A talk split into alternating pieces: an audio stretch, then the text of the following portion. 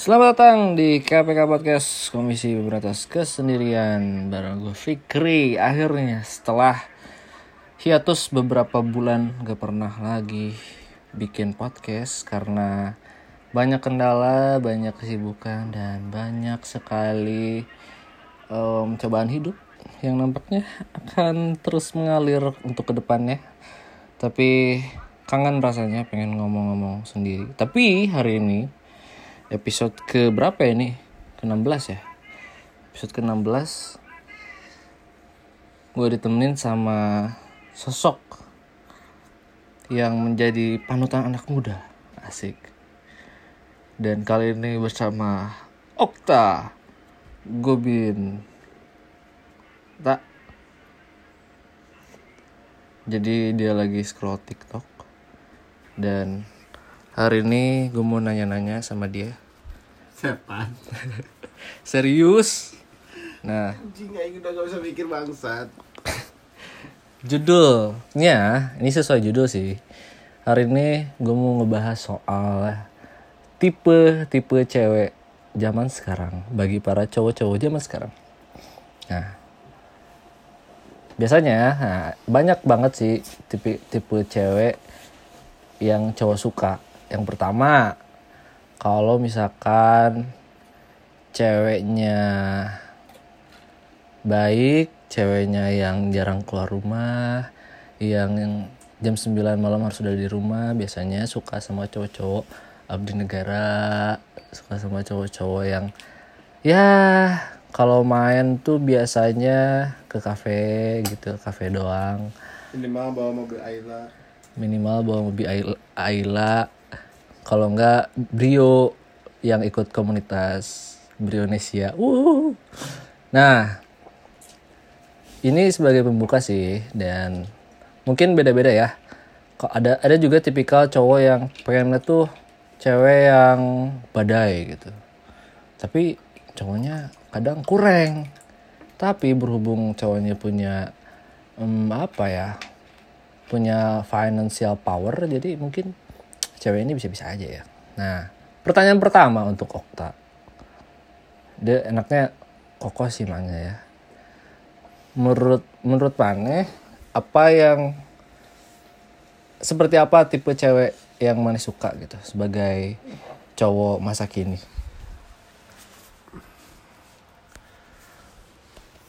Oke Gua mungkin introduce dulu ya Jai Eh, Nama gua Okta. Eh, di sini gua temenan sama Pikri. Berapa tahun ya? Dua ya? Enggak sih, tiga. Tiga. Tiga.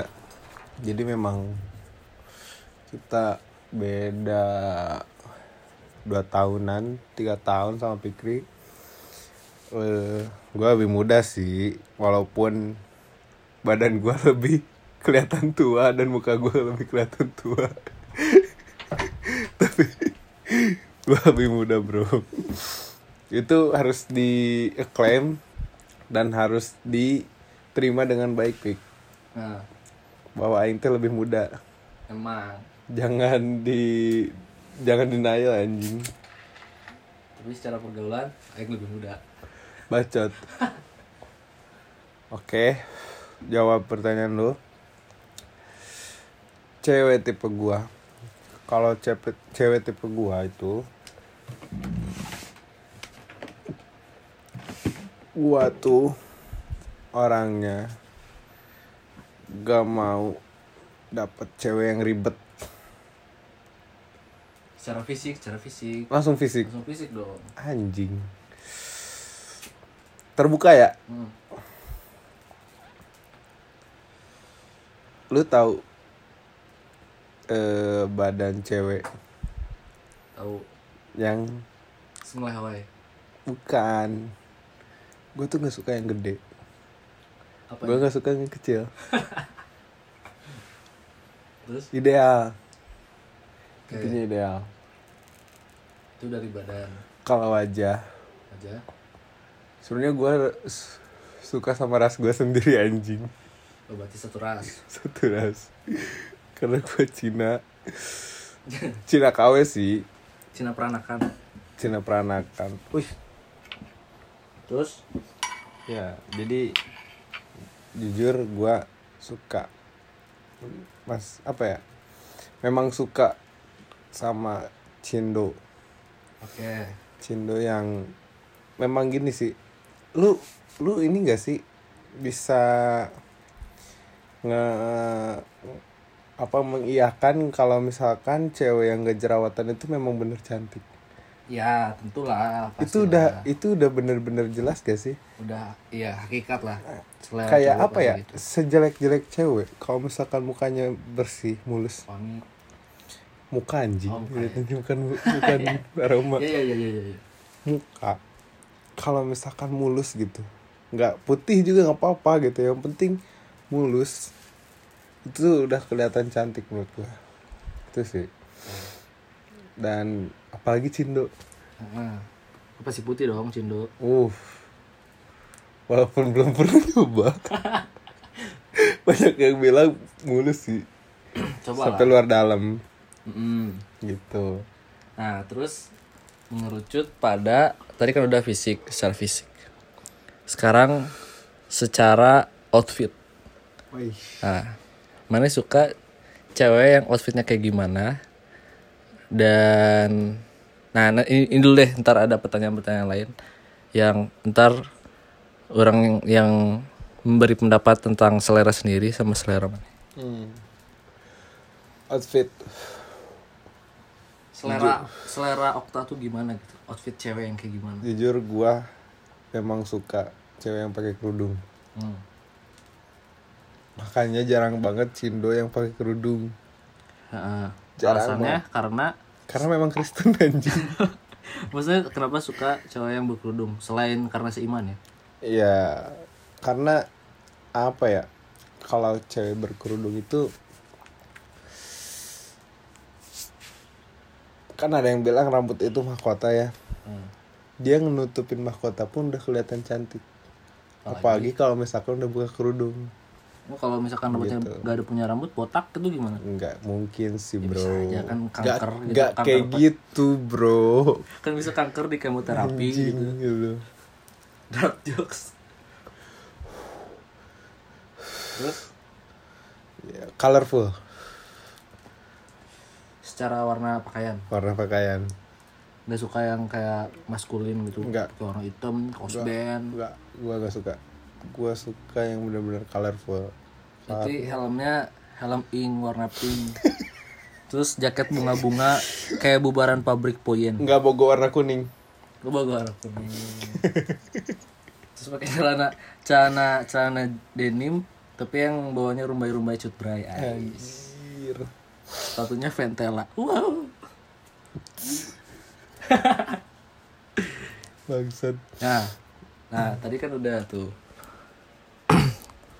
Kalau gue sih sukanya cewek, eh ini beda-beda selera ya. Sukanya cewek yang nyentrik. Bukan dari warna, iya warna juga bisa sih kombinasi dari warna kadang keren. Kadang ngeliat cewek pakai nggak kayak Pakai kaos kaki warna aja ya. Ah. Dia pakai kaos kaki warna, sepatunya sneakers, asal jangan Redbox atau misalkan Sketcher gitu. Tomkins. Tomkins. Kalau nggak Airwalk, Airwalk. Airwalk sih. Kalau nggak Ventela, ah, itu skip sih. Kenapa? Karena nggak tahu sih identik dengan ini sih, identik dengan remaja-remaja SMP kayaknya. Kalau nggak Motix anjir. Terus su- suka sama cewek nyentrik. Nggak nyentrik tuh bukan perkara soal kayak seksi atau apa gitu. Tindik gitu gak sih? Eh, ya tergantung lah tergantung tapi nggak suka sama cewek yang bertato Hmm. apalagi tatonya tatonya di kaki gitu kalau nggak di dada gitu anjir kayak Nama ngeri. nama nama ini nama pacar.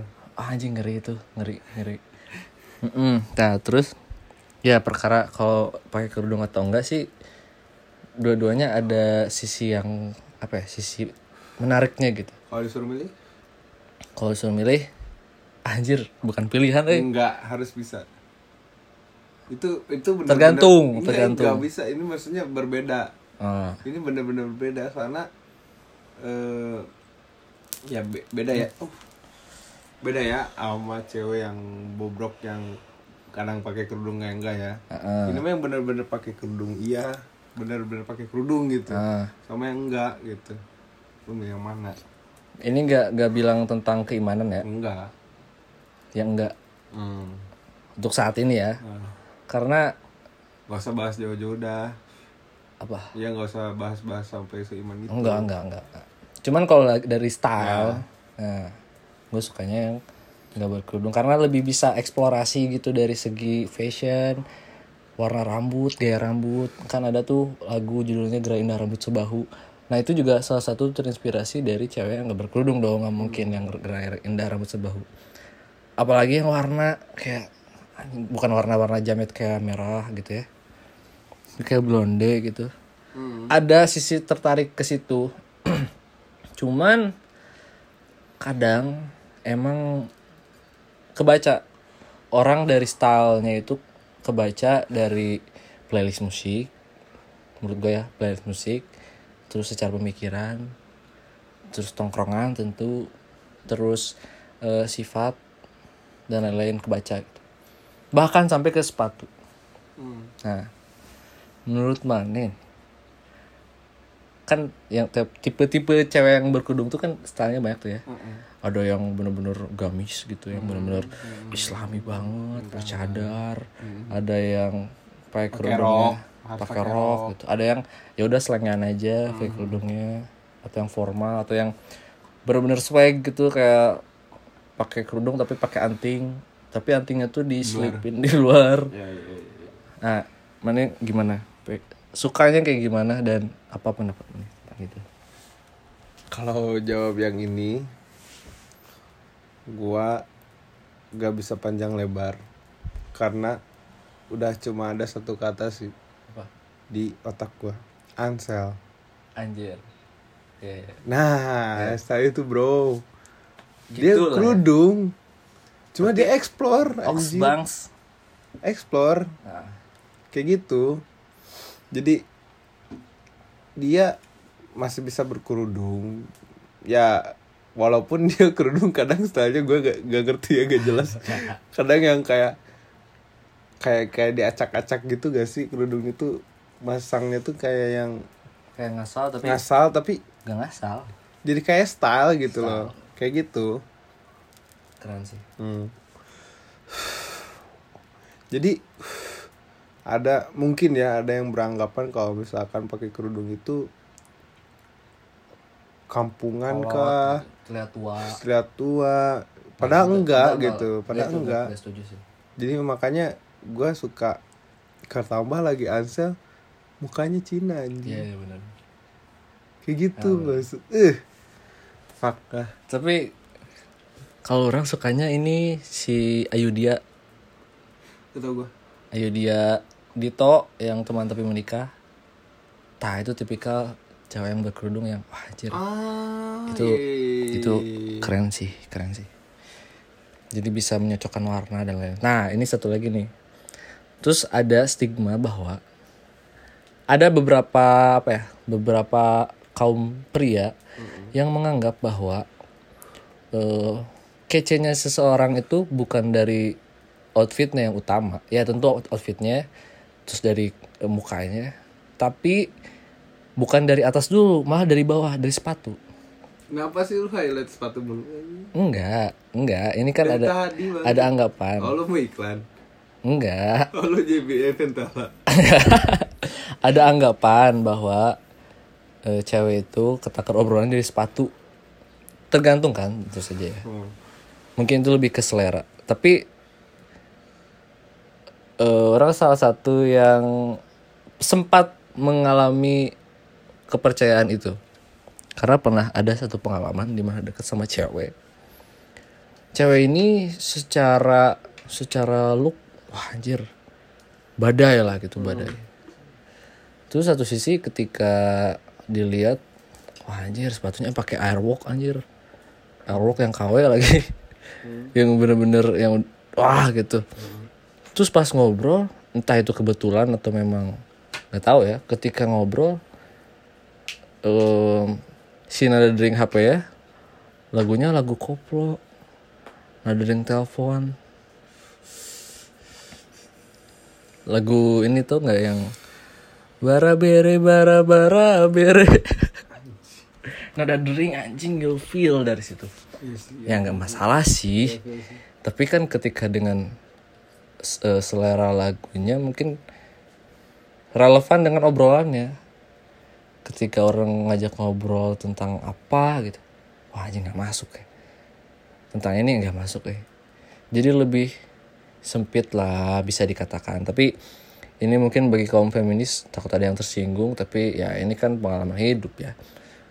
Dan gak sekali itu gue pernah beberapa kali ngalamin kayak gitu. Nah sekarang kalau misalkan ada kalau misalkan ada cewek nih yang deketin Mane terus cewek itu juga menganggap sama ke Mane. Misalkan dia menilai dari oh, wah ini dia stylenya kok agak kurang ya tapi ganteng misalkan. Mane menanggapinya gimana?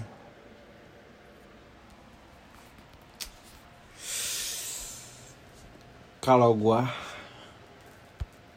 dari diri pribadi gua eh, style itu karakter ya. Jadi gua tuh gak mau eh, ada orang yang ganggu karakter gua.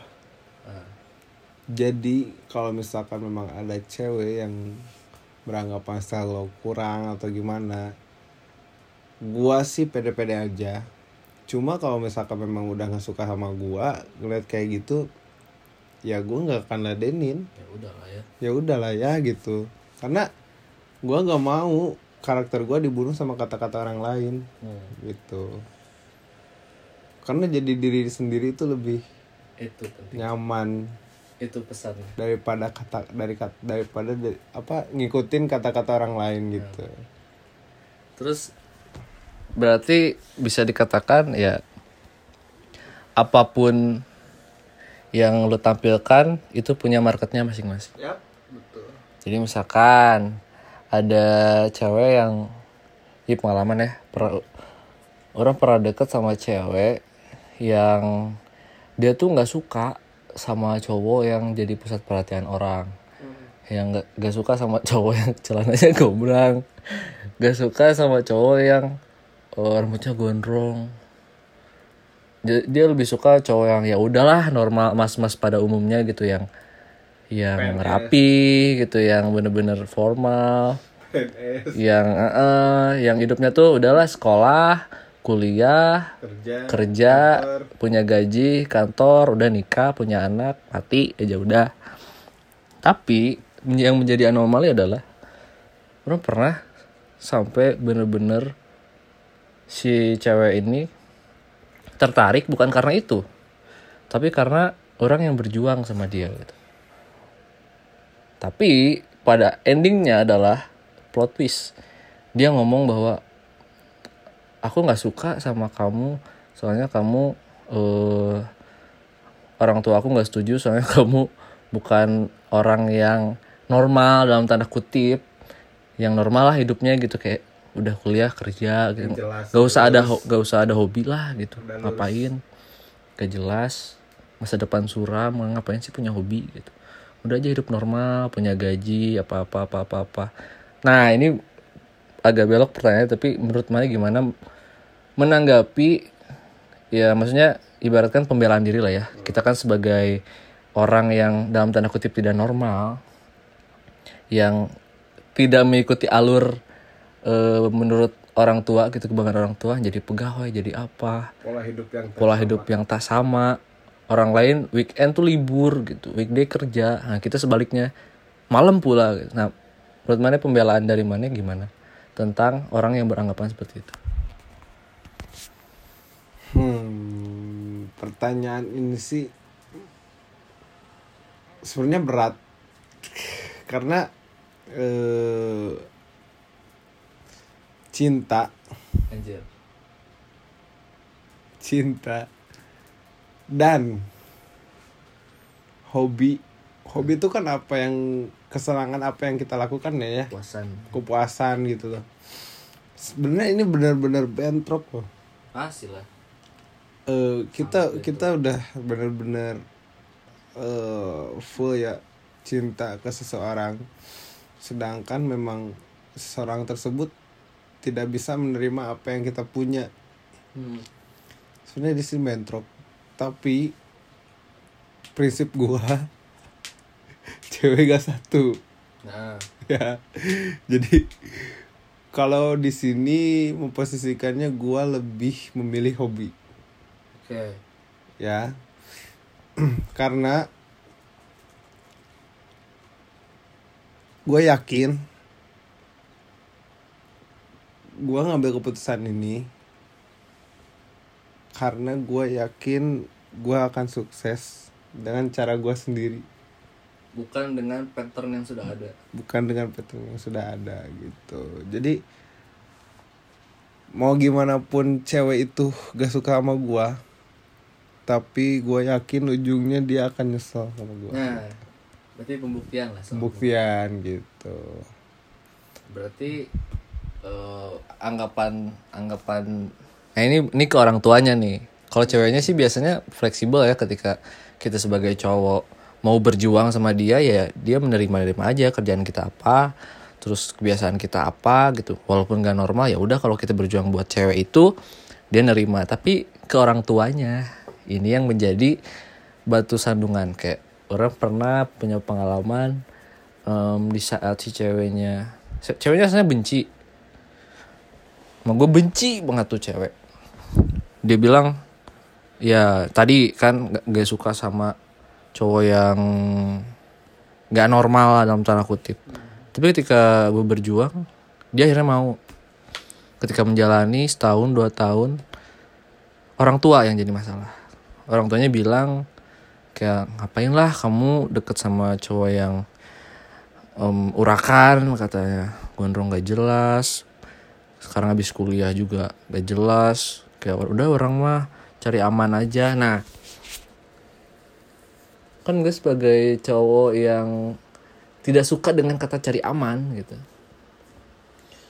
Terus ketika merasa bahwa wah ini kayaknya orang tuanya nggak bisa.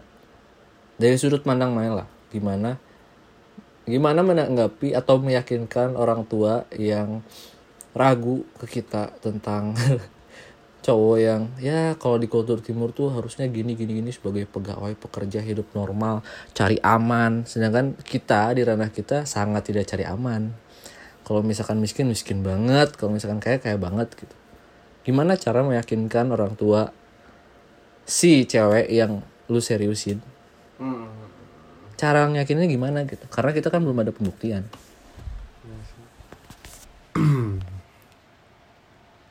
orang pakai momentum Pik. oke. Momentum. Jadi orang percaya dengan adanya proses. Orang orang nggak mau mikirin hasilnya seperti apa berharap ada tapi tidak melebihi ekspektasi. Nah. Kata. Terus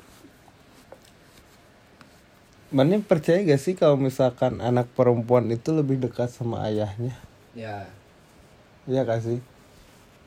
Orang yakin orang tua itu pengen anaknya maaf bukan maafan apa ya? Bahagia lah. Bahagia eh, sejahtera. Sejahtera. Sejahtera. Jadi nggak akan kelaparan atau apa pun gitu. Karena orang percaya kalau misalkan anak cewek itu lebih dekat dengan ayahnya. Hmm. tujuan ayahnya cuma satu pi. Apa? Yang bisa menyayangi dan bisa menghargai anaknya Ya. anak perempuannya. Dengan cara itu pun orang bisa mempercayai orang tuanya. Oke. Tidak perlu finansial. Oke. Tidak perlu duit banyak. Oke benar. dengan modal orang harus bisa menyayangi menghargai Hmm. Anak perempuannya eh me, apa ya menjadikannya ratu.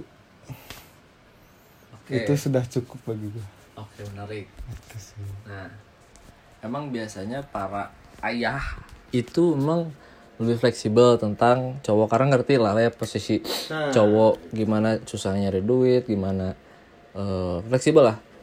Ibunya.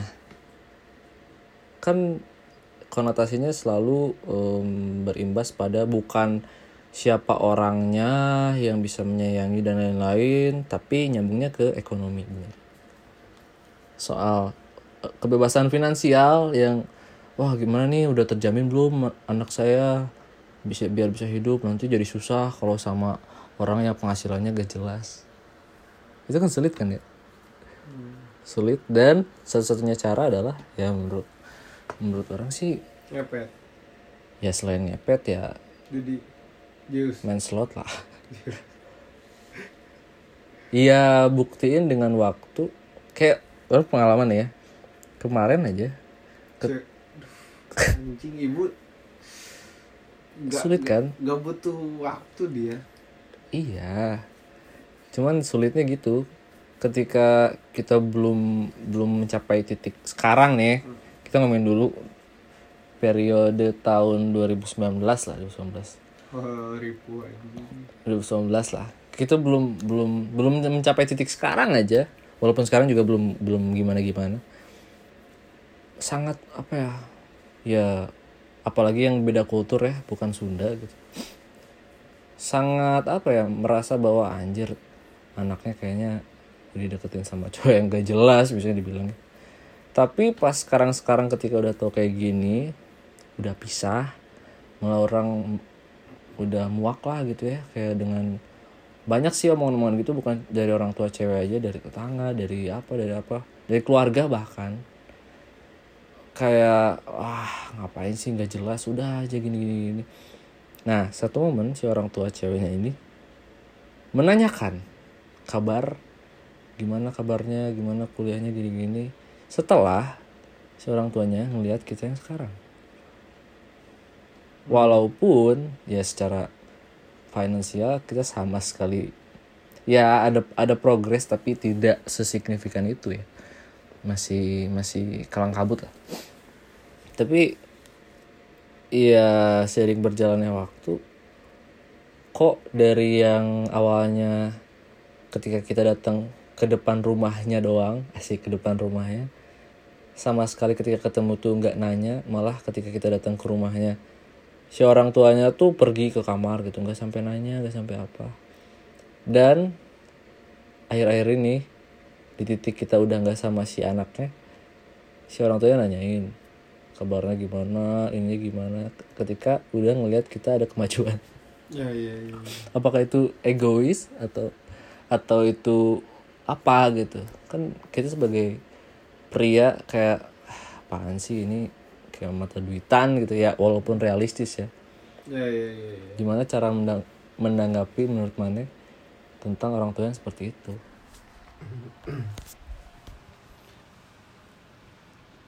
Tapi ini bisa disebut tergantung gak sih Pik? ya ya ya karena ada orang tua cewek yang masih pemikirannya dulu sama yang sekarang ini benar-benar beda gitu. Karena sekarang dilihat dari sikap cewek sikap anak ceweknya.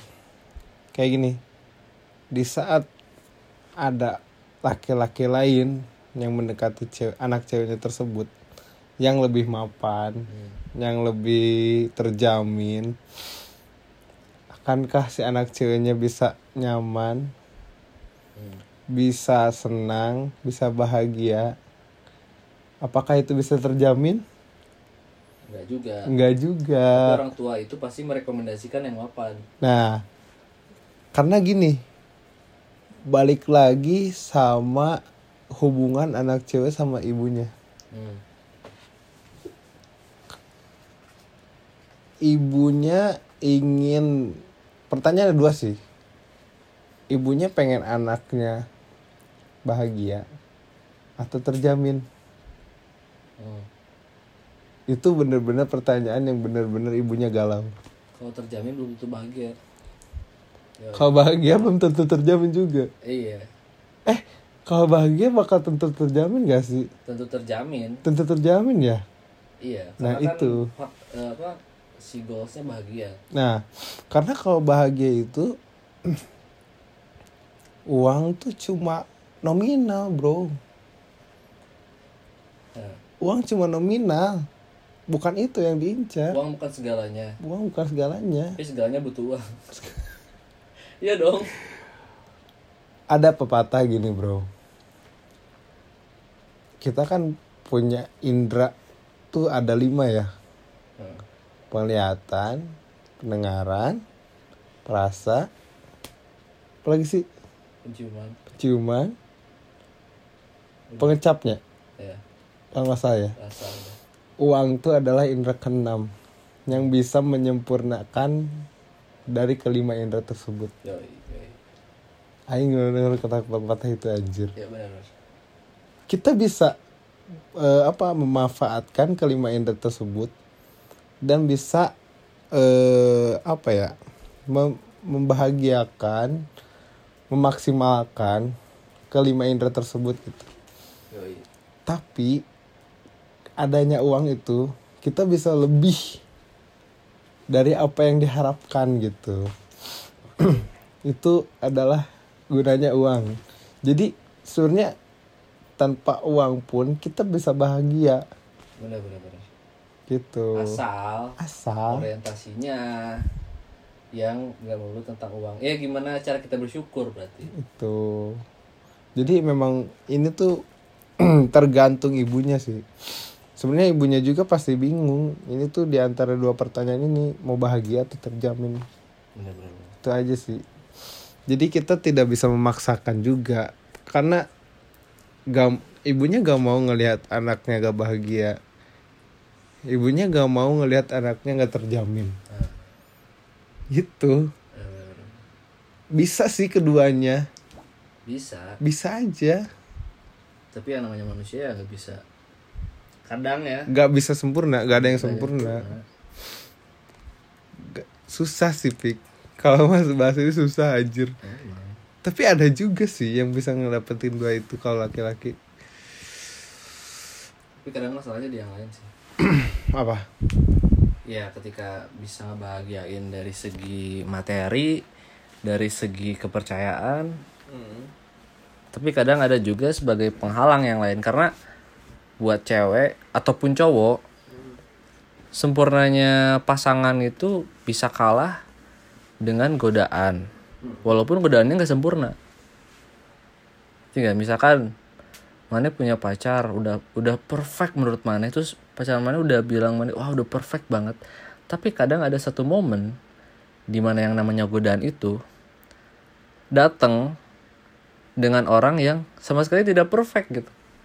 Kadang kayak cuma cuman sebatas apa ya cuma sebatas ya ibaratkan ketika mana punya rumah terus aduh boring nih di rumah mulu pengen gitu. Em, jalan-jalan keluar terus nanti juga balik lagi. Iya kan? Jadi ya intinya gimana kita bersyukur aja sih. Nah berat sih obrolan sekarang tentang kehidupan tentang selera cewek. Nah, ya ini kalau ngomongin selera cewek pas banget sih kalau ngomong. Tapi Hah? gue ada pertanyaan buat lu sih Pik. apa? Setelah pengalaman pedih gak sih itu? Apa yang sekarang berubah mindset lo setelah kejadian itu? Asik. Yang berubah banyak sih salah satu faktor yang bener-bener lo berubah banget. Yang berubah banget? Dari setelah kejadian kejadian itu jadi mindset lo berubah seperti apa gitu? Nah yang nah itu sa- satu yang paling besar berpengaruh terhadap prinsip hidup gue sekarang adalah jangan cengeng. Jangan cengeng dan em, bukti. Ya apa pun ranah yang kita geluti tentang pembuktian ke cewek atau ke orang tuanya ya bukti misalkan lu suka apa lu suka kerja sebagai sebagai eh lu sebagai abdi negara ya buktiin lu sebagai abdi negara yang terbaik. Lu sebagai pedagang nasi goreng jadilah pedagang nasi goreng yang terbaik gitu. Dan merantau sih. Itu sih. Itu mindset gue terbuka tentang hidup bahwa hidup itu adalah tentang mengambil resiko gitu gak bisa apalagi cowok ya. Karena cewek gue dulu itu tipikal yang ya gak bisa hidup dengan cari aman. Itu cewek loh.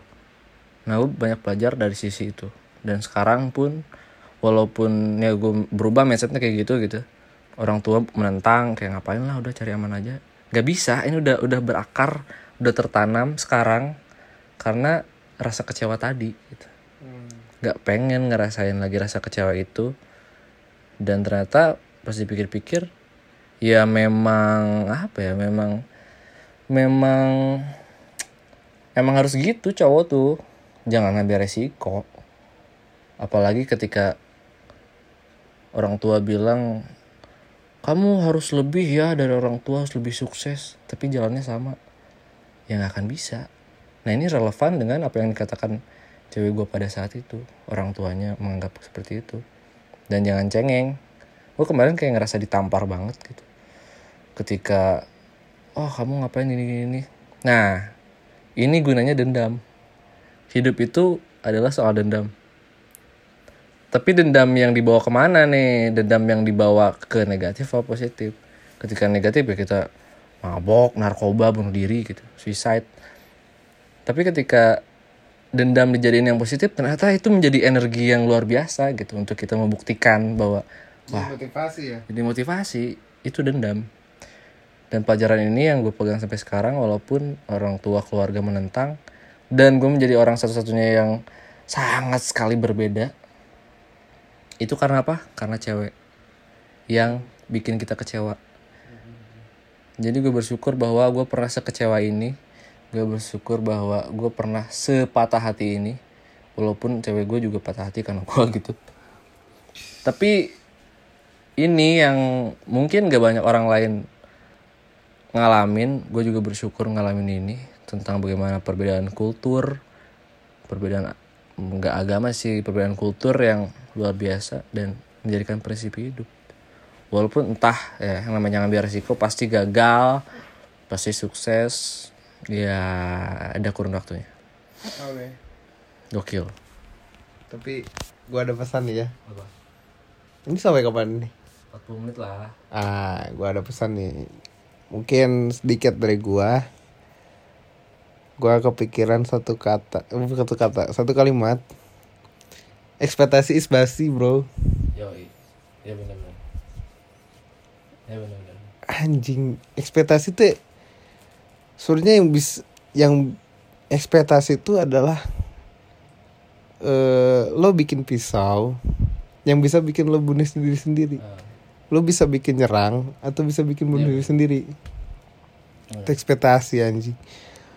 Kalau dari gua ya bener-bener beda mindsetnya sama lo.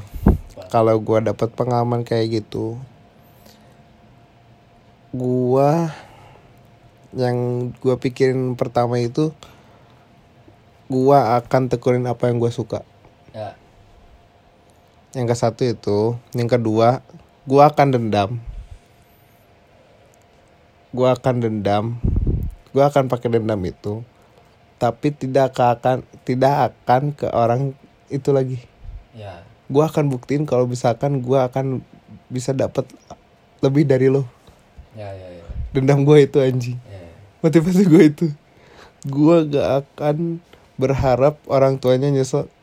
Gue gua gak mikirin itu. Tapi gue dendam gue akan dapetin cewek lebih dari lo anjing. Ya, ya. mindset gitu. Mindset gue gitu. Karena itu motivasi yang bener-bener lebih apa ya? Lebih kebus. lebih ke- manusiawi lah. manusiawi dan ngebus gitu menurut gua. Karena memang sih pertama-pertama pasti sakit hati lah kecewa lah eh, kepikiran lah. Tapi yang jelas motivasi gua gua akan buktiin kalau gua bisa dapetin ibu yang gak sejahat kayak ibu lo. Iya iya. Iya iya. Dan bisa dapetin cewek yang lebih dari kayak lo gitu sih. Iya sih. Ya. Basi. Bangsat. Bukan ekspektasi sih harusnya ya. Apa dong? tapi lebih ke planning aja gitu. Ah, planning yang ya planning kita berplanning tapi bukan berekspektasi. Kan kalau ekspektasi itu tanpa planning biasanya. Kayak cuman harapan semua aja tapi ya udah berplanning aja dulu gitu kan. Ya berat sih omongan kali ini sih. Dan ini menjadi podcast terlama sih kayaknya ya. Dan terima kasih buat kalian. KPK Podcast episode ke-16 ternyata jadi udah dilihat lagi. Dan semoga nanti kita ada podcast-podcast lain gue bakal bikin terus walaupun sendirian. Ini kebetulan ada tamu nih dari Hong Kong. Jadi gue todong aja langsung buat podcast. Buat yang kangen sama ngobrol-ngobrol kayak gini pengen gitu ya. Nanti kita bikin lagi. Dan sampai berjumpa lagi di KPK Podcast. Em, gue Fikri dan Okta. Sampai bertemu lagi. See you